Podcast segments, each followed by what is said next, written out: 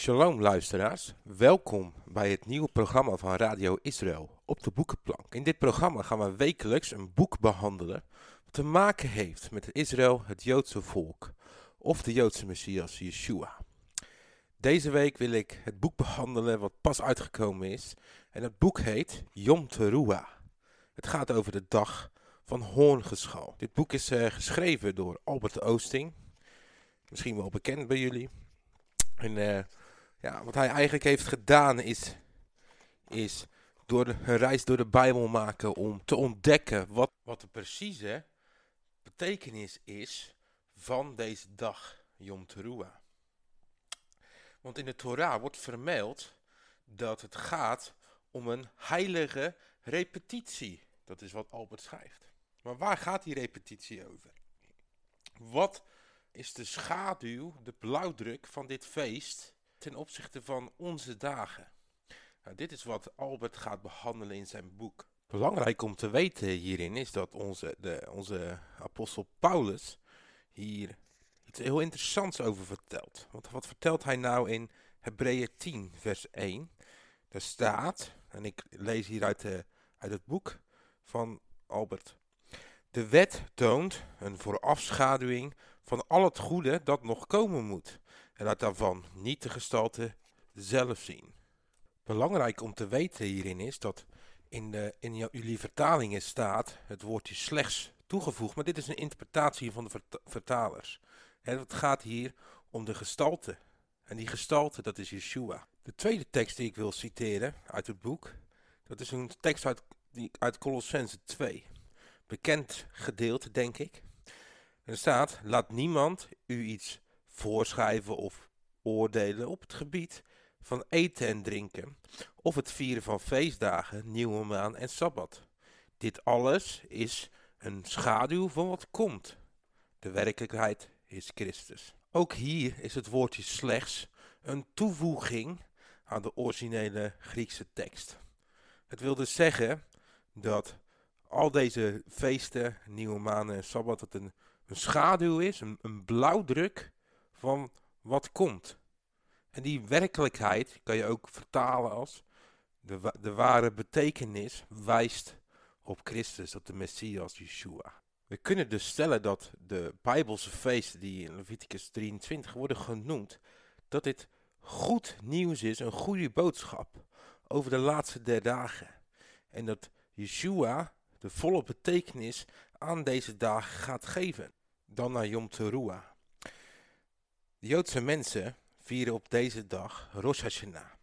Albert legt in zijn boek uit waarom dit niet een Bijbelse oorsprong heeft, maar waarschijnlijk is geadopteerd in Babylon, toen het volk in ballingschap was. Dit is ook uitgebreid beschreven in een bijlage bij dit boek. Yom Teruah wordt ook wel genoemd door Joodse mensen Yom HaShofar. En dat is een verwijzing dat omdat deze dag aangekondigd wordt met bazuingeschal, met teruah. Maar teruah betekent niet alleen maar hoorngeschal, het geblaas van de bazuin, maar ook schreeuw of kreet.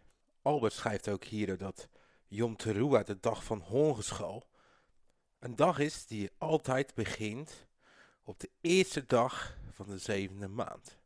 En maand, verwijst hij naar, is Godesh in het Hebreeuws en dat betekent nieuwe maan. Dus het is de, de, de dag waarvoor op eerst de nieuwe maan is te zien. Het nieuwe licht op de maan. Dit licht op de nieuwe maan kan je nooit van tevoren voorspellen wanneer dat komt. En daarom wordt de Joodse mensen deze dag ook wel Yom HKC genoemd. De verborgen dag. Albert schrijft hier dan ook over. Dat we kunnen afsluiten met de opmerking over dit stukje, dat we weten op welke datum Yom Teruah moet worden gevierd, namelijk op de eerste dag van de zevende maand. Maar niet op welke dag van de week. Dit doet ons ook denken aan de woorden van Yeshua, van, over de komst, dat niemand het uur weet. De dag nog het uur weet. Je moet ook weten, en dit wordt niet beschreven in het boek van Albert, dat in Psalm 81 vers 3 geschreven staat blaast de bezuin op hun nieuwe maandagen en op bij volle maan de dag van uw feest. Dit is wat er in de vertaling staat. Maar in het Hebreeuws staat hier, blaas de bezuin bij nieuwe maan op de verborgen dag van uw feest.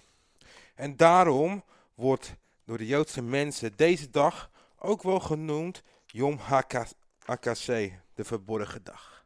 In dit boek wordt ook de verbindenis gelegd met Yom Teruah en de aanstaande bruiloft van het lam. Yom Teruah is als het ware, volgens Albert, de aankondiging door de hoorngeschal van de onverwachte komst van de bruidegom en koning. het zal ook een dag van duisternis zijn. Ja. Er staat bijvoorbeeld in Psalm 89 vers 9, of 98 vers 9. De Heer is een aantocht, rechtvaardig zal hij de volken oordelen naar recht en wet. Het is een dag van duisternis en donkerheid, een dag van dreigende, donkere Daarom wordt in de Joodse traditie ook wel deze dag genoemd Yom Hadin, de dag van oordelen. Vervolgens gaat Albert over tot het beschrijven van het gebruik van de ramshoorn in de Bijbel. Maar ook gebruik van de shofar, de ramshoorn in het huidige Jodendom, eh, Messiaans of orthodox. Hij maakt dus een reis van voor naar achter door de Bijbel. Van het begin van de geschiedenis naar het einde van de geschiedenis. Met het gebruik van de shofar. En dit is heerlijk om te lezen. Op deze manier, mocht je nog niet volle begrip hebben van het gebruik van de shofar en waarom deze gebruikt wordt. Als je deze hoofdstuk hebt doorlopen, dan zul je zeker weten waarom het belangrijk is om de shofar te laten klinken. En ook de dag, de, de, dag van Teruah, de dag van krijgsgeschreeuw en gejuich. De dag van bezuingeschal en, en het gebruik van de bezuin uh, wordt ook gekoppeld in dit boek aan het begrip wachter zijn. De wachter op de muren, bekende tekst. Hij citeert ook de site en de organisatie neverbesilent.org. Uh, dit zijn ook Nederlandse mensen die hier op de muren van Jeruzalem de beloftes hebben geproclameerd over, over Israël, over het herstel van Israël. En deze herinneren bij de Vader. Ik ben zelf ook, maak zelf ook onderdeel uit van zo'n wachtersgroep. In dit boek wordt ook verder beschreven welke type wachters er zijn. En ook hiervoor geldt weer, als je niet volledig op de hoogte bent van het begrip wachter in de Bijbel, dat Albert een uitgebreide beschrijving geeft van het begrip wachter en welke soort wachters ze zijn. Is wederom een reis door de Bijbel. Vervolgens komt Albert met een vergelijking tussen kerst en Yom Teruah. Los van de theologische discussie of kerst een bijbelsfeest is of niet. Is, is kerst een feest wat terugkijkt op de geboorte van Yeshua. Maar de feesten zoals die gevierd werden vanaf het begin, waren, een, waren feesten die gericht waren op de toekomst. En we hebben al eerder in het begin behandeld dat deze feesten goed nieuws zijn. Voor degenen die het begrijpen. Maar er zit ook altijd een waarschuwing aan vast. We kennen ook de vele waarschuwingen rondom de wederkomst van Yeshua. Hè? Dus Albert stelt hier een hele prikkelende vraag in dit boek. En het is welke hoogtijdagen kent de kerk die ons waarschuwen voor de toekomstige manifestaties van de Almacht? Dit is een vraag die je zelf kan en moet stellen misschien wel. Belangrijk is ook weer om te kijken naar onze, ja, onze broeder Paulus, die, die prachtig aanwijst waar het om gaat. En die schrijft hier in 1 Korinthe 10, vers 1 tot met 13, maar ik citeer een kleine gedeelte uit deze tekst. Broeders en zusters, wat hun, Israël, overkomen is, moet ons tot voorbeeld strekken. Het is geschreven om ons, voor wie de tijd ten einde loopt, te waarschuwen. Dit alles strekt ons tot voorbeeld. Wij moeten niet uit zijn op het kwade. Albert werkt met deze tekst toe naar, om te laten zien wat de betekenis is van Yom Teruah. Waarvan is Yom Teruah een gedenkdag? En waarvan is de dag van hoorgeschal een voorafspiegeling. Het heeft dus alles te maken met de geschiedenis van Israël, die simpel samen te vatten valt in drie gedeeltes. De bevrijding en verlossing uit Egypte, de periode in de woestijn en het binnengaan van het beloofde land. Abraham heeft deze route al een keertje eerder afgelegd. En dit is wat Albert uit, uitgebreid beschrijft in dit boek. En ook hiervoor geldt weer voor de derde keer. Het is een reis van het begin tot het einde van de Bijbel. Hij geeft hier ook de reden waarom Israël het beloofde land in handen kreeg. Hij heeft ook te maken met de maat van de ongerechtigheden die vol moet zijn. Dat zien we ook weer terugkomen aan het einde van de, van de Bijbel. Geeft een stukje achtergrondinformatie en geschiedenis over de omringende landen van Israël en wat daar gaande was. En hierdoor krijg je een beter begrip van de, de begrippen als wat is het om een Hebreeër te zijn? Wat is het doel van besnijdenis en reiniging? En ook de koppeling maken met, met het doop. Maar het belangrijkste van deze dingen is het binnengaan van het beloofde land. Wat Albert in dit boek ook wel gelijk trekt met het binnengaan van het koninkrijk van God. Of koninkrijk der hemelen. Zoals het altijd vanaf begin af aan het de bedoeling is geweest. Er wordt ook uh, gesproken in openbaring en ook in Jeremia. Over de grote exodus. Die zo groot is dat de eerste exodus daarbij in het niet valt. Dat die gewoon eigenlijk vergeten wordt. En dat is volgens Albert de tijd waarin wij nu zitten. Dat we op weg zijn naar Gods koninkrijk. En dat die gaat aanbreken. En de, de, het binnengaan van Gods koninkrijk. Het maakt de koppeling met de geschiedenis van Israël. Krijgt een climax. En die climax die komt bij Jericho. Nadat ze al die stappen van reiniging en heiliging door middel van doop, besnijdenis van hart en dergelijke gehad hebben, komen ze bij Jericho. En daar, daar kunnen we ook zien waarvan Yom Teruah een gedenkdag is. Yom Teruah is namelijk een gedenkdag van deze gebeurtenis. Het binnentrekken van Jericho. Ik wil ook even een klein zijspoortje maken. Dat Yom Teruah ook kan verwijzen naar het geluid van de bazuin wat van de berg afklonk. Als het ware uit het hemelse heiligdom.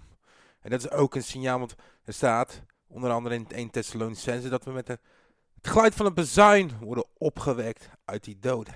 We kunnen dus wel voelen waar het, waar het hierheen gaat. Die bezuinen, dat is niet zomaar een instrument, het is een hemels instrument. Het is als het ware, zoals Albert ook beschrijft in zijn boek, en dan moet je zelf gaan lezen, wat die stem is. En hoe, geweldig en heilig en onzagwekkend die stem van God is. Albert schrijft hier iets heel moois over. Die zegt, de shofarklanken zijn de klanktel waarin God de Vader spreekt tot ons hart, ons verstand en onze ziel. Dan naar de ultieme climax van dit boek. Want het gaat natuurlijk over die bestorming van Jericho. Albert behandelt ook wie de aanvoerder van het leger, het hemelse leger, is. En dan maakt hij bij de koppeling met de vaak gebruikte uh, term Malach Jehovah, de engel van de Heer. En dat is ook in, erg interessant. En ook hier maakt hij weer een reis door de Bijbel om dit begrip beter uit te diepen.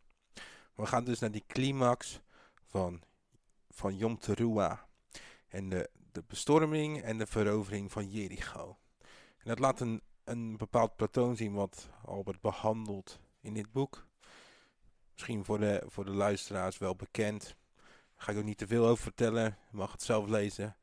het interessante is ook dat diezelfde, datzelfde patroon eigenlijk door heel openbaring terugkomt. Met zes, zes keer en dan een stilte en dan de zevende keer. En dit is zo met de zeven zegels, de zeven bazuinen en de zeven schalen. Die tussenstukjes noemen ze ook wel intermezzo's. En in één oogopslag kun je dus de structuur van openbaring herkennen. En ook weten dat deze dingen zich chronologisch opvolgen. Nou, wij kennen de geschiedenis van Jericho wel. Jericho is gevallen en de stad is veroverd. En dit zal aan het tijden ook gebeuren. Want Jericho is ook wel een synoniem voor Babylon, wat genoemd wordt in openbaringen. Zou dus kunnen zeggen dat Yom Teruah een, een, een gedenkdag is van die dag. Van het binnen, binnengaan van Gods koninkrijk. De bruidegom die komt eraan. En Babylon, dat gaat vallen. En we zien eruit naar die dag. Maar er staan ook waarschuwingen voor. En dat is wat Albert ook op jullie hart wil dragen. Is wees gewaarschuwd. Zorg dat je rein en heilig voor de, voor de bruid, bruidegom zal staan. En de beloning die zal groot zijn. Laten we afsluiten met gebed. En ik wil graag de zegen uitspreken Aaron en zijn zonen moesten uitspreken over het volk. En ik wil zeggen, Yeverecha Jehovah v'yishmerecha. Yaer Jehovah panavelecha fichuneka. Yisa Jehovah panavelecha. V'yesem lecha shalom. Jehovah zal voor jullie neerknielen om geschenken aan te bieden. Hij zal voor jullie zorgen door middel van een beschermde haag. Jehovah zal de volheid van zijn wezen op jullie laten schijnen om zijn orde te tonen. Hij zal jullie comfort en levensonderhoud bieden. Jehovah zal de volheid van zijn wezen opnemen en op jullie neerzien. Hij zal alles wat jullie nodig hebben op de juiste plaats neerzetten, zodat jullie zon compleet en zonder gebrek zijn. Zo zullen zij zijn mijn naam op de nakomeling van Israël leggen. En ik, ik Jehovah, zal hen zegenen. Shalom luisteraars en tot de volgende keer.